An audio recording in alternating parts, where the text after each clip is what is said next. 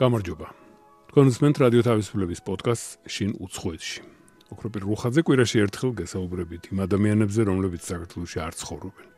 უცხო ქვეყანაში არიან წასული სხვადასხვა მიზეზით და რომლებიც ჩემთან ერთად გიამბობენ საკუთარ თავზე, საკუთარ საქმესა და იმაზე თუ რა აწუხებთ და რა უხარიათ.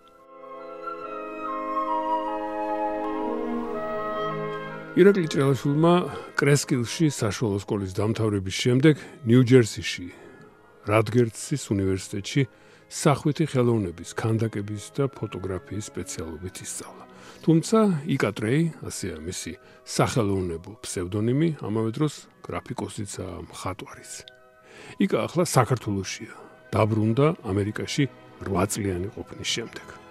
ყველაფერს ორი პოლუსი აქვს და ირაკლი ჭრელაშვილთან ბაზში სულ ამას დავტრიალებთ თავს. დილემა? არა. ყოფნა არ ყოფნა? არა. მაგრამ ყოფნა ამერიკაში თუ ყოფნა საქართველოში. ჩასვლის მერე ტკივილი. ტკივილის მომენტი ნამდვილად იყო აი დასაწყისში. აი ერთი მომენტი მახსენდება ხოლმე სულ იქ არის აი სკოლაში რომ შევედი პირველი დღე იყო როგორც მახსოვს იქ იქაური სკოლის რა დავიწყე სწავლა და დიდი ესეთ დერეფანი არის რაც სულ არის კლასები ჩალაგებული რა აქეთ და იქ საკლასო ოთახები არის და ძალიან გრძელი არის. და როცა ზარი დაირეკა ნუ წადრე გამოვედი კლასიდან მე. და დაირეკა ზარი და ის მომენტი იყო რომ ყველა საკლასო ოთახი გაიღო და გაივსო ეს თები უცებ რაღაც 100 წამში ეს მოსტავლეებით ეს კორიდორი რა მთლიანად. და ეს ფიქრი მახსოვს რომ აი ვინ არიან ეს ხალხი რა ის სადო არა აი რამდენად რამხელა დისტანცია ჩემს კულტურა აი ჩემს რაღაც ყველა ნაწილს და აი ამ ხალხს შორის რა აი რა თან ემოციურად დამარტყა იმ მაგ მომენტმა რომ ეს ხალხი აგაივსო კორიდორით მაგ ეს ხალხი ბავშვები და ყველა რაღაც თავის იმას აკეთებდა ძალიან ესეთი ემოციური მომენტი იყო ჩემთვის ეგ და ნუ ნელ-ნელა სხვადასხვა კულტურული შოკის ეს მომენტები, მაგრამ ახლა ის ის გზნობა მქონდა ასევე, აი ეს აუცილებლობის გზნობა ახლდა თან, აი ამ ყველაფერს, რომ რაღაცნაირად ჩემთვის იყო ეს გარკვეულწილად რაღაც გამოცდა. რომ აი მე თუნდაც გამეძლო ამისთვის უნდა მესწავლა ყველაფერი. ну, ალბათ დეპრესიის ეპიზოდებიც მქონდა და ეგეთი მომენტები და კარგად მახსოვს ასევე ის, რომ ესეთ ესეთ დროს დედა ჩემმა მითხრა რომ თუ თუ შენ გინდაო რომ აი თუ აქ არ შეგიძლია ყოფნა და თუ გინდაო შენ არავინ არ გიჭერსო რა შეგიძლიაო დაბრუნდეო საქართველოსიო და ეგ იყო ერთ-ერთი ყველაზე რთული პერიოდი მაშინ და სკოლის პერიოდი რაღაც კარგად ეხა ყველაფერი და მახსოვს მაშინ დავფიქრდი რომ მეთქი მიუხედავ ყველაფრის და ასია მეთქი საჭირო რა რომ აქ უნდა ვიყო მეთქი და აქ მიიღო ის ისი მიღებაც შემიძლია ყველაფერი წამოვიღო ასე მაქვეყნა რაც შემიძლია და მე მე როცა დრო იქნება და როცა სწორი იქნება ამ ნაბიჯის გადადგმა მაშინ უნდა დავბრუნდე მეთქი რა ესეთი განცდა მქონდა და ვფიქრობ სწორი განცდა იყო მაშინ და აი მაგ მაგაი მაგ აუცილებლობის და პასუხისმგებლობის გზნობით ვიყავი ეს ეს ეს წლები იქ. ამერიკაში 8 წლის ყოფნის მერე საქართველოსი უკან დაბრუნება რატო მოგინდათ? მოკლედ გეკითხებით, მაგრამ ძალიან ბევრ რამეს ვფიქრობ მასში. კი. და რა ქვია, პირველ რიგში იმასაც ხალხი გარბის საქართველოსდანო, ასე ამბობენ. და ჩვენც ვიცით, რომ ბევრია წამოსული. ხაკ როგორ შეიძლება ცხოვრება და რაღაცა რას არ გაიგონე. თქვენ ესე იგი აი ამ ოცნების ყველაზე უფრო მაგარი ქვეყნიდან უკან ბრუნდებით. ხო, საკმაოდ ხშირად მესმის ხოლმე ვისაც ვეუნები ესეთი ფრაზები რომ რა გინდა აქ რა რატომ ბრუნდები რაღაცა ესეთი მომენტები რაც რა თქმა უნდა ბუნებრივია და ცოტა უცნაურად ჩანს დარწმუნებული ვარ ესეთი მომენტი რომ აი ამ დენცის მერე უკან უკან ბრუნდები. მაგრამ ალბათ პიროვნების პიროვნების ამბავია რა მე აი სიტყვაზე სადამდეც რამდენიც მიცხოვრია საქართველოს 15 წლამდე არ მქონია არას იმის განცდა რომ ეს სხვაგან მინდოდა ცხოვრება. რაღაცნაირად ესეთი ტიპი ვიყავი ყოველთვის, რომელსაც ურჩევნოდა ის სადაც იყო ეს სახლი სიტყვაზე, აი თუნდაც სკოლა, ხო სკოლაში ხშირად იყო ესეთი მომენტები, რომელიც არასასიამოვნო გარემო იყო ხშირად სკოლაში რა, ну ზოგადი ну კლასელები თუნდაც თუნდაც ზოგადი გარემო, მაგრამ აი არასდროს მინდოდა სკოლის გამოცვლა. ჩემი რაც ალბათ ნუ არც კაი არ შეიძლება უფრო უფრო ვაყოფითი იყოს იმიტომ რომ ცლების ზოგადად არ უნდა გვეშინოდეს მაგრამ აი ასეთი დამოკიდებულებით უცებ აღმოჩნდი ამერიკაში სულ სხვა ქვეყანაში სულ სხვა კულტურაში სხვა კონტინენტზე და ეს დაბრუნების მომენტი ყოველთვის მქონდა. ну იქ სტავლა იყო სამსახური ყველაფერი განვითარება მაგრამ აი ყოველთვის იყო ეს რაღაც ფონად რომ აი ყველაფერს იმიტომ ვაკეთებ რომ მე შევძლო საქართველოსში ცხოვრება კარგად ასე თქვა პროფესიონალურად ღირსეულად და რაღაცა რაღაც დაუბრუნო უკან. აი რასაც ვაკეთებდი იქ ყოველთვის მაგისკენ იყო მიმართული. და ესე გადაწყვეტილება არ მემიღია ანუ ეს უცაბედი გადაწყვეტილება არ იყო რომ დაუბრუნებული ყავი. და ჩემი ბევრი გადაწყვეტილება იქ ამერიკაში ცხოვრების დროს მაგაზე იყო დაფუძნებული. რა რა შემიძლია გავაკეთო რომ მე აი როცა საშუალება მექნება დაუბრუნდე და იქ შევძლო ცხოვრება და აი ეს ბოლო ბოლო ამდენიმე წლის განმავლობაში მოხდა ისე რომ რაღაცნაირად ისე ისე ავაწყე ჩემი კარიერა საქმე ყველაფერი მოვახერხე დაბრუნება სიტყვაზე ეს ონლაინ სამსახური და ეს ესეთი მომენტები რომელიც რაღაცნაირად დაალაგდა სწორად ყველაფერი. და მოხდა ისე რომ ჩამოვიდი ზუსტად ისე როგორც მე აი წლების განმავლობაში ფიქრობდი რომ მინდა ჩამოსვლა და აქ ყოფნა ჩემს ოჯახის წევრებთან ერთად მეგობრებთან და რაღაც აი კონტექსტში რომელიც ჩემთვის ნაცნობია და რომელიც მიყვარს. აი იყო მიუხედავად იმისა რომ აი მატერიალურად ნამდვილად უკეთეს მდგომარეობაა ხო იქ. ახლა მე ბევრი ემიგრანტი მეგობარი მყავს და ძალიან ძალიან ხშირია ეს ფიქრები, რასაც აი მე ახლა აგიწევთ, რომ დაბრუნების მომენტი ყოველას ყოველთვის აქვს იქ. და ხშირად ყოფილი შემთხვევა რომ დაბრუნებულან კიდევაც დაბრუნებულან, მაგრამ შემდეგ მაინც ისე მომხდარა, რომ ისე უკან წასვლა მოუწიათ, ხო? აი მაგის ჭიდილია ალბათ აი ეს მატერიალური კარგაყოფის, რომელიც აუცილებელია, ხო, არაფერს ათაკილო მაგაში არ არის, რომ ადამიანს მატერიალურად კარგაყოფნა უნდა, ხო?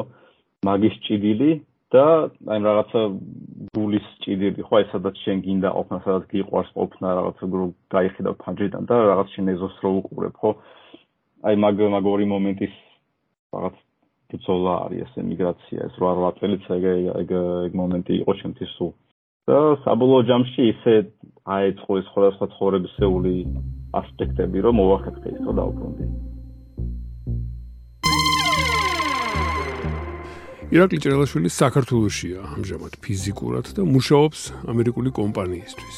ის დაკავებულია ციფრული პროდუქტების ბიზნეს სტრატეგიით, არქიტექტურითა და დიზაინის შექმნით. შრომა ხშირად მოვალეობაა. ყველანაირი შრომა ვერ იქნება სასიამოვნო და საამური.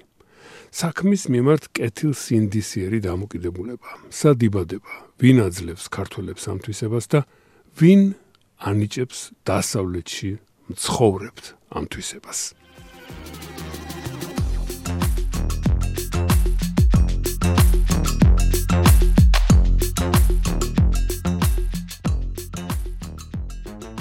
თვისებას. ჩახვედით მომხო და მუშაობთ. მუშაობთ, როგორ ვთქვა ახლა, აი თანამშრომლებთან ერთად არზი ხართ, თქვენთვის ხართ რაღაც და მუშაობთ, რაღაცას აკეთებთ. გამომუშავებული გაქვთ აი ეს სამსახურის მიმართ დასავლური მიდგომა. აი ეს სადიბადება ამას რაბადებს ადამიანში. თუ თქვენი თაობა ესეთი გაჩნდა ამ ქვეყანაზე რა, რომელსაც ეს უფრო კარგად სხვანაირად ესმის, იულად ესმის, უფრო მარტივად შეუძლია ეს გააკეთოს. აი ეს კითხვა ხო ეს სადიბადება რაღაც შენი საქმის მიმართ პატივისცემა ალბათ ხო აი მე პირადად განვიხილავ საქმის მიმართ მიდგომას, აი როგორც საკუთარი თავის პატივისცემას, რომ აი მე თუ თუ ცემ ჩემ თავს პატივს თუ მაგ პასუხისგებლობა აღებული ჩემ თავზე, არ უნდა მივცეთ ჩემ თავს უფლება, რომ ცუდი პროდუქტი შექმნას, ან ცუდი ცუდად იმუშაოს. იმიტომ რომ ჩემ პიროვნებაზე აისახება პირველ რიგში, ხო და რაღაცა აი მაგ მაგ ამოსავალი წერტილიდან ფიქრობ, ალბათ მაგედანაც მოდის რაღაც დონეზე ზოგადად აი ეგრე მიდგომა, რომ ეს სამუშაო ეთიკა, ხო, რომ არ მისცე შენ თავს უფლება, რომ იმაზე ნაკლები გააკეთო, რამდენიც შეგიძლია.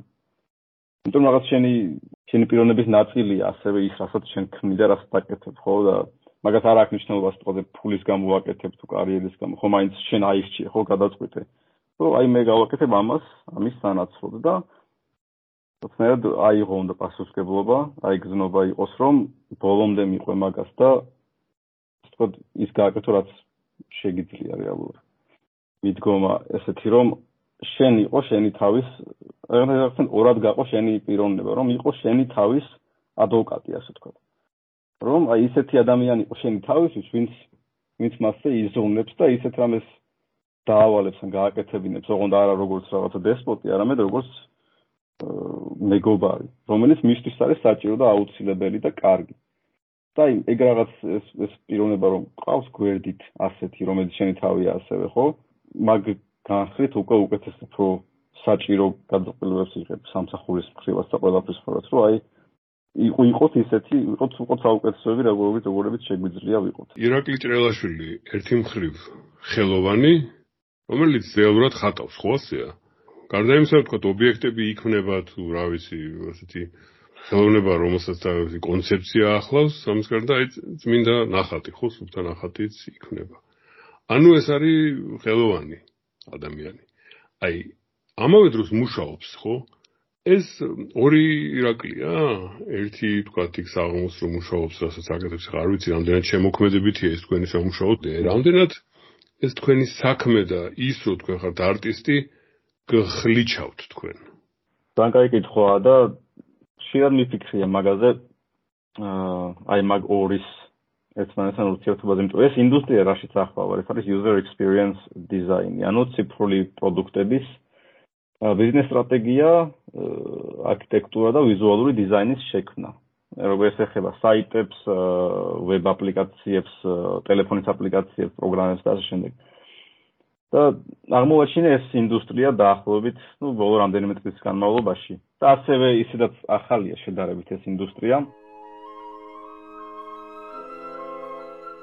თქვენ უსმენთ პოდკასტ შინ უცხოეთში. გაცემის ავტორი ოქროპირ რუხაძე ვესაუბრები ირაკლი ჭრელაშვილს.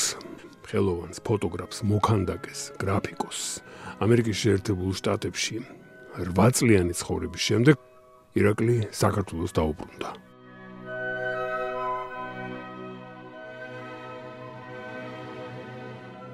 როცა ვიკლოდი, როცა დავიწყე სწავლა, ძალიან ბევრი და მნიშვნელოვანი კავშირი დავინახე ხელოვნებასა და აიოსად მაგ ინდუსტრიას შორის. იმიტომ ორივე ორივე საუბრობს ვიზუალური ენით, ხო? აა ფორმებით, ფერებით და ორგანიზებით, როგორ არის ორგანიზებული ეკრანზე კონტენტი, ინფორმაცია და ასევე ეს ფიქრობ მჭიდროდ ეხმაურება იმას, როგორ არის ორგანიზებული კილოზე ნახატი და მისი სხვადასხვა ელემენტები. ხოდა მაგ მხრივ ჩემი აზრით გახლის მომენტი არ მაქვს, იმიტომ რომ ბევრი რაც მისწავლია და რაც მიფიქრია ხელოვნების სკოლაში და ზოგადად ხელოვნების შექმნაში მეხმარება სამსახურშიც. რო აი თავარი მიზანი ჩემი როგორც დიზაინერის არის რომ მომხმარებელს პროდუქტის მომხმარებელს გაუყვალო გზა რომ მივიდეს იმ ადგილამდე სადაც სადაც მას სჭირდება მარტივად. გააკეთოს, მიიღოს ეს სერვისი, რაც ჭირდება ის პროდუქტი, რაც ჭირდება მარტივად და სტრაფად. რაღაც თონეზე ხელოვნებაც მსგავსი კონცეფცია და მსგავსი მსგავსი მიდგომა აქვს. მე რომ და შეუქმნა სიტყვაზე მნახველს ისეთი გარემო, სადაც შეძლებს რომ შევიდეს და მიიღოს რაღაც რაც თვითონ ჭირდება და რაღაცნაირად შეუქმნა ეს მოგზაურობის მომენტი რაღაც თონეზე. ხო, ახლა თავისი განსხვავებები აქვს, რა თქმა უნდა, ხელოვნებას და დიზაინს, დიზაინის შორის, დიზაინი ძალიან კონკრეტული მიზნისკენ უნდა მიიყვანო, ხო, ადამიანი, მაგრამ ხელოვნებაში ეს ცოტა უფრო ფართოა რაღაც. ასე ვთქვათ, მინდორი უნდა შეუქმნას, სადაც აი შეუშვებ და შეძლებს რომ თავისით იაროს აი რაღაც შენს შენი ხელოვნების ნიმუშის მიერ მოგწეულ ჩარჩოებს, რომელიც რა თქმა უნდა არ უნდა იყოს ვიცრო, ხო, მაგრამ ჩემი აზრით არც ისეთი ფართო არ უნდა იყოს, რომ დაიკარგოს მასში ადამიანი. და აი მაგის ნავიგაცია ხდება ორივე ამ ინდუსტრიაში და ეგ ძალიან საინტერესო პროცესია ჩემთვის. თუ დრო გექნათ, გადახედეთ ირაკლი ჭრელაშვილის ვებსაიტს ikatrei.com და დაათვალიერეთ მისი გრაფიკული ნამუშევრები. კანდაკებებს ნახავთ ფოტოგრაფიულ კომპოზიციებს, ასევე არაერთ პროექტს. თვალში მოგხვდებათ ნამუშევრების ჯგუფი ყიფშიძე. სახელწოდება მოდის ყიფშიძის ქუჩიდან, სადაც უცხოურია ირაკლი ჭრელაშვილს ამერიკაში წასვლამდე და რომელსაც ის ახლა უბრუნდება.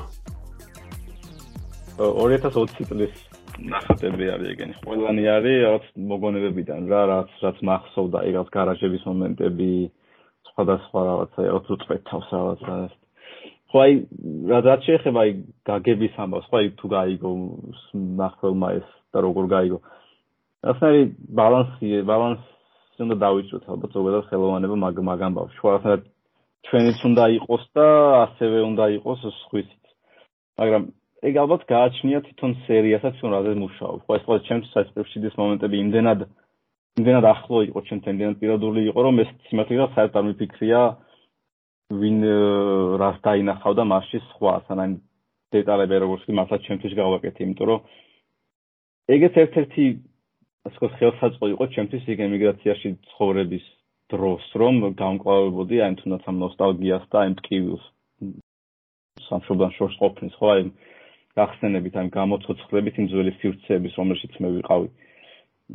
სიტყვაზე ყიფშიდის корпуსები იყო ეს ასევე მინიატურები, რომელსაც ვაწყობდი ბოლო რამდენიმე წლის განმავლობაში, საკლასო ოთახის და ეს პროცესი ძალიან მეხმარებოდა იმის რომ თან გამომეცოცხლებინა ეს ძველი სივრცეები და დაბრუნებული ყავი უკან ოღონდ სხვა ამპულაში რომ თქოს თქოს მე მე მართა ეგ სივრცე უკვე ამ ეტაპზე მინი მინიატურული მასში ხო რაღაცნაირად პატარა სამყაროს ქმნი, ხო როცა მინიატურებს ეხება საქმე და ეგ ძალიან საინტერესო და ისეთი თერაპიული გამოცდილებაც იყო, როცა ისეთ ისეთ სივრცეებს ვაცოცხლებდი, რომელშიც ძალიან დიდი ხანია აღარ ყოფილი. ისე რილკას აქვს ერთ-ერთი ტექსტი ძალიან საინტერესო აღწერილი ეს განშორების მომენტი თავის შობლიურ ქალაქთან.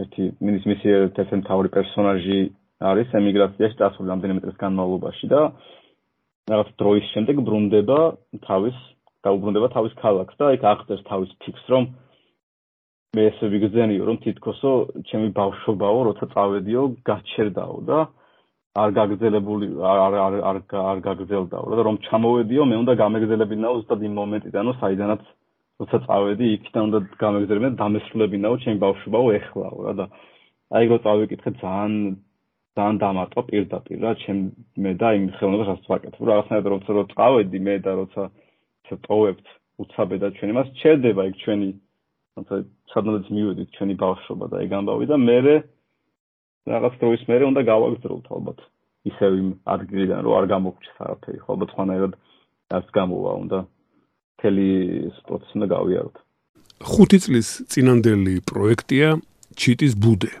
პროექტს თანახლავს ტექსტი ერთი ფრაგმენტი. მე და ჩემი თაობა ნანგრევებზე ვდგავართ და ვიფურჩქნებით, მაგრამ ჩვენ სასტიკი ისტორიის ხაფანგში ვართ გამომწუდეული. ამ ძველ კარებს ეს ყველაფერი ნანახი აქვთ. მათში ჩანს ადამიანები, რომლებიც გამოდიოდნენ სანთლებით, იარაღით და ყვავილებით ხელში და უკან მიცოცავდნენ ტკივილითა და სისხლით. ახლა ამ ძველ კარებში წარმოვიდგენ ჩემს მეგობრებს და საკუთარ თავს როგორც מחეში გაბმული პეპელა. ისტორიისთვის თავი ვერ დაგვიღწევია, ვერ გაურბივართ ვენერას ბუზიჭერიას. ეს ჩემი სახლია. სერია იყო 2017-ში გადაღებული. ასე ასე ვთქვათ, კარგახნის წინ, ხო? ხო, ხუთი ეს იყო ჩემი მეორე მგონი მეორე ჩამოსვლა იყო ჩემი რაც წავედი ამერიკაში. და სწორედ ეგ უკვე ის მომენტი იყო, როცა აი რომ დავშორდი ხო ჩემ ჩემ ქალაქს. უკვე და როცა დავ დავშორდი და შემდეგ რომ დაუბრუნდი, სულ სხვანაირად დავიწყი აღქმა რა, აი რაღაც როცა ერთ სივრცეში ვარ და ერთ სივრცეში ვიზრდებით, ვეღარ ვამჩნევ თითქოს მაგ სივრცეს, სადაც იმყოფებით, ხო რაღაცნაირად корпуსები, რაღაც ქუჩა, ყოველთვის სულ იმას უყურებთ, აი სადაც მივდივართ და ჩვენი კონკრეტული გზა სამსახურამდე იქამდე და რაღაც გარშემო ის გონიერ ყველაფერი ვიცით და აღარ ვაკვირდებით და შემდეგ ჩამოსვლაზე რომ ჩამოიჩვი მეჩი. რაცა თქოს თავიდან დავინახე აი ეს ქართულ საქართველოს თბილისის არქიტექტურა, ეს კარებები და რაცა ეს კონტექსტი ზოგადად. და მან გამიშთა სურვილი რომ აი ახალგაზრდები ჩემ მეგობრებთან ერთად გამეკეთებინა ეს სერია და კონცეპტუალურად ეხმაურება უფრო აი ახალგაზრდების გამომწყდევას არქაულ ენებში რა ჩარჩოებში. რომელიც ძალიან ლამაზია ეს ჩარჩოები ხო ყველაფერი მაგრამ მაინც დამწყდების მომენტი იყო და ჩიტის ბუდეც მაგიტომ ქვია რომ რაღაც ეს გალია გახდა ჩვენი აი თაობის სახლი ასე ვთქვათ. სადაც თუნდაც აი ეს მენტალიტეტი ძველი რაღაც გადმონაშთების საფრთხე კავშირის თუნდაც მაგაზე ძველი რაღაც მიდგომები ჩვენი წინათაობის. და მაგის მაგის გადმოცემით ამ ფოტო ფოტოსერიით. საქართველოსი გორში გორის ხელოვნების სახლში 6 აგვისტოს ჩათვლით შეგეძლოთ გეხილათ სახლის სცენარეები ირაკლი ჭრელაშვილისა და დევიდ ფაინშტაინის გამოფენა. დევიდ ფაინშტაინი გალერეა დისოლუშენის დამფუძნებელია თბილისში. თვეების წინ გორის ხელოვნების სახლს თავის სივრცეში გამოფენის მოწყობის ღია კონკურსი ჰქონდა გამოცხადებული. დევიდის და ირაკლის ერთობლივმა იდეამ გამარჯვა. მეცადეთ რომ გორთან მიახლოებული ყოფილიყო ეს იდეა გორის კონტექსტთან და ზოგადად თუნდაც აი საქართველოს საქართველოს მომენტის ყოფილიყო.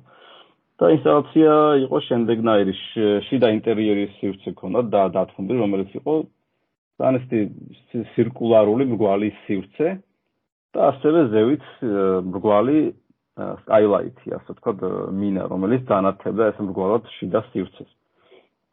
საკმაოდ სპეციფიური და ორიგინალური ოთახი იყო. და მივედით იქ დავათვალიერეთ რა შეიძლებოდა გავაკეთებინა, რა მოუხდებოდა იმ სივრცეს ხელოვნების ჭრილში, ხო რა სივრცულად რა იქნებოდა საინტერესო. და შიგნით ასევე მოთახში იყო დიდი ეს პედესტალივით მრგვალი სივრცე. და ძალიან საინტერესო განათების და რაღაცა სივრცული და განათების მომენტები იყო იქ რომ დავათვალიერეთ იქ რო შევედი. და ეს აღებული ასევე გორის კონტექსტთან, აი როგორც გორი ჩემთვის არის რაღაც ისეთი ქალაქი, რომელიც ну ზოგადად აი სხვა ქალაქებიც მასეა საქართველოსში რომ ნეონელა განიცდიან აი ინდუსტრიალიზაციას და ურბანიზაციას ხო აი ქალაქები რაღაც სამეურნეო კონტექსტიდან გადმოდიან უფრო ურბანულ კონტექსტში თუნდაც კორპუსებით ინფრასტრუქტურით რაღაცა გამოყოფა ხდება ბუნებისგან ნეონელა ამ სივრცეების და აი მაგ მაგ ორი იდეის ერთობლიობით ვიფიქრეთ რომ გავეთრე ინსტალაცია რომელიც ეხმაურება აი მიდიას და შიდა სივრცეში გვაქვს ხორბლის ინსტალაცია. ერთ-ერთი ფერმიდან წამოვიღეთ დაახლოებით 10 კვადრატული მეტრი ხორბალი გადმოვთესეთ შიდა ინტერიერულ სივრცეში. და ასევე კედელზე ქონდა 2 10 მეტრზე ფოტოკოლაჟი გორის ფასადების ფოტოების. და ეს იდეა ეხმაურებოდა აი პროცესს აი სულილების პროცესს რომელიც ყველგან მიმდინარეობს იდეა სოფლიოში ყველგან მიმდინარეობს ეს პროცესი და გორშიც გორის ერთ-ერთი ასეთი წერტილი იყო. და აი ხა ნაწილობრივ ეხმაურება აი იმ თემას რადგან ძალიან ლაპარაკეთ აი ყოველდღიურობის ამბავში ხო აი ხელოვნება რომ რაღაც ჩვენს შორის არსებობს და ვინდოდა მაგით რომ რაღაცნაირად უცნაური შეგვექნა ასე ვთქვათ გადატეხა რომ ყოფილიყო ხორბალი დაფესილი ცოცხალი ხორბალი შიდა ინტერიერულ სივრცეში რომელიც რაღაც აბსურდული მომენტია რთონეზე ხო? და რაღაცნაირად მაგით ალბათ რაღაც მომენტში გამოგვიძება ხდება ადამიანის ყოველდღიურობისგან რაღაც ავტოპილოტზე რომ ვარ ხო ყოველდღე აი მივდივარ რაღაც სამსახურში ყოველდღე ხედავ ყველაფერს რაცაც თავისი ადგილი აქვს ხო? რაღაცა იქ ის არის ეგ ეს არის იქ ეს შენობა იქ ისინი დადიან მაგრამ აი ხელოვნება რაღაც ეგ ეგ ძალა აქვს ხელოვნებას რომ თად შემოგვილაწნოს ასე და უცებ დავინახოთ ხორბალი დათესილი ინტერიერულ სივრცეში და ასე კითხვები დავსვათ ხო რა რა ხდება რატომ არის ეს ასე. და ფიქრობ საინტერესო მომენტი იყო ეგ და თან დართული ეს ფასადის ფოტოები რომელიც სპეციფიკურად ავარჩეთ ისე რომ და გადავიღეთ გორში შეირნობით დავდიოთ რამდენიმე დღე ესეთი არქიტექტურული მომენტები სახლები რომლებსაც ბუნების ელემენტები თან ახლავდა. იყო დათესილი ვაზი, ხარობდა რაღაც კორპუსებს ჰქონდათ ზლიანების ზევით ასული ამ მსგავსი თემატიკა. აა რამაც შექმნა ასე ეს კონცეფცია მთლიანობაში ამ გამოფენის.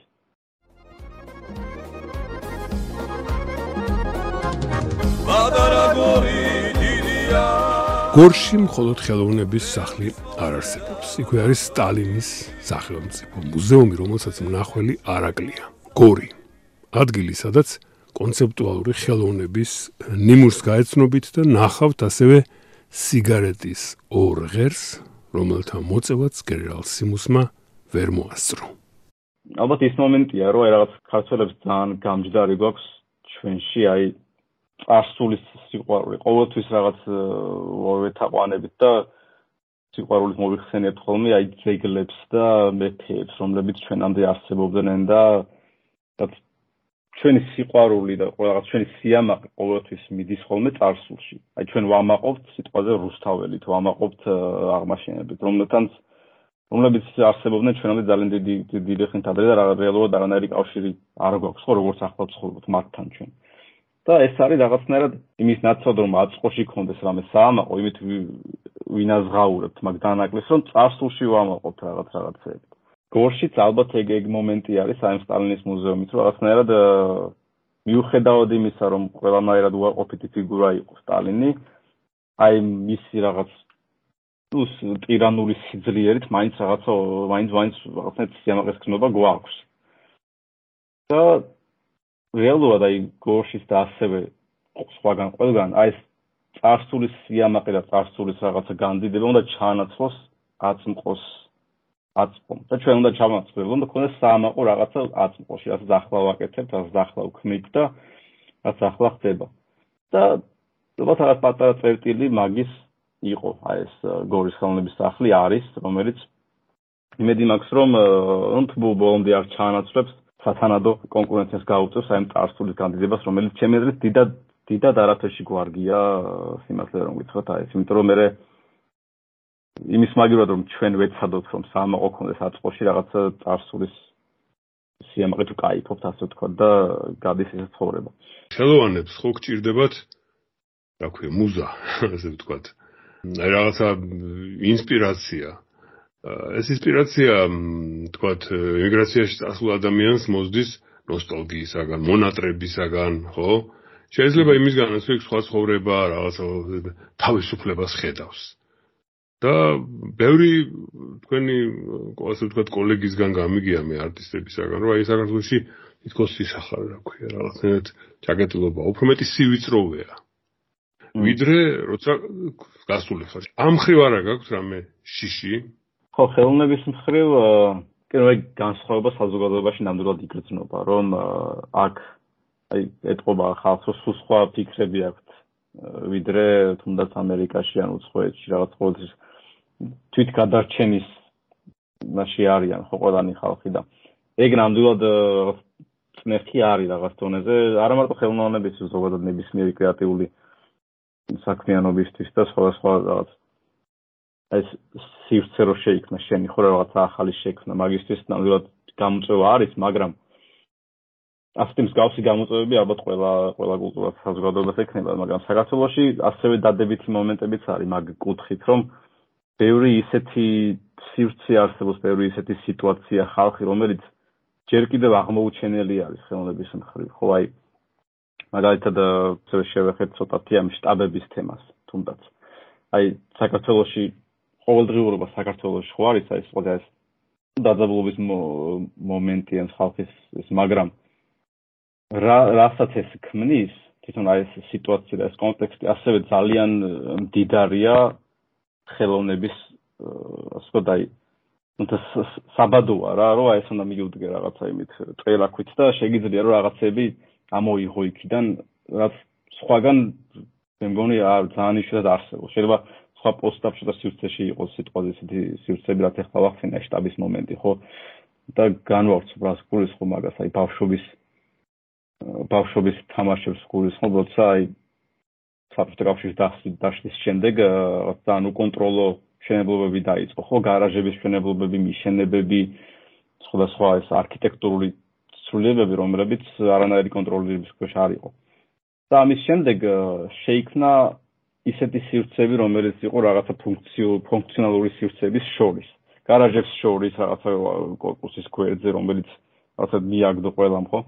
რაღაცა ისეთი სივრცეები გაჩნდა, რომელიც რომელიც არანაირი ფუნქცია არ ქონდა და ჩვენთვის ბავშვებისთვის ეგ იყო აი თითქოს რაღაც 60-ის პოვნა, იმიტომ რომ ჩვენი ჩვენი სივრცე იყო ეს რა, აი აღსნაირად ეხმაურება ასევე პოლიტიკურ ძრებს, აი პირველი კერძო საკუთრება იყო ჩვენთვის ბავშვების ეს უფუნქციო სივრცე.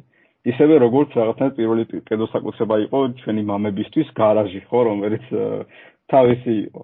აი ეს ორი ორი მომენტი შეერთდა ერთად, ცოტა გადაუხვი მეგონი თემას, მაგრამ აი აი ეს კონტექსტი რაშიც აი ეს უარყოფითი მომენტები არსებობს თითქოს ხელოვნების მხრივ. აი ესეთი დადებითი სასაბადოებიც არის. ეს იყო რადიო თავისუფლების პოდკასტი შინ უცხოეთში. გადაცემის ავტორი ოქროპერ რუხაძე ვესაუბრებოდი ხელოვან ირაკლი ჭრელაშვილს, რომელმაც კრექსილში, ამერიკის შეერთებულ შტატებში საშუალო სკოლა დაამთავრა და შემდეგ იქვე ნიუ-ჯერსის შტატში, რადგერცის უნივერსიტეტში სახვითი ხელოვნება, ქანდაკება და ფოტოგრაფია ისწავლა. ამერიკის შეერთებულ შტატებში 8 წელიწადი იცხოვრა და ახლა საქართველოში დაბრუნდა.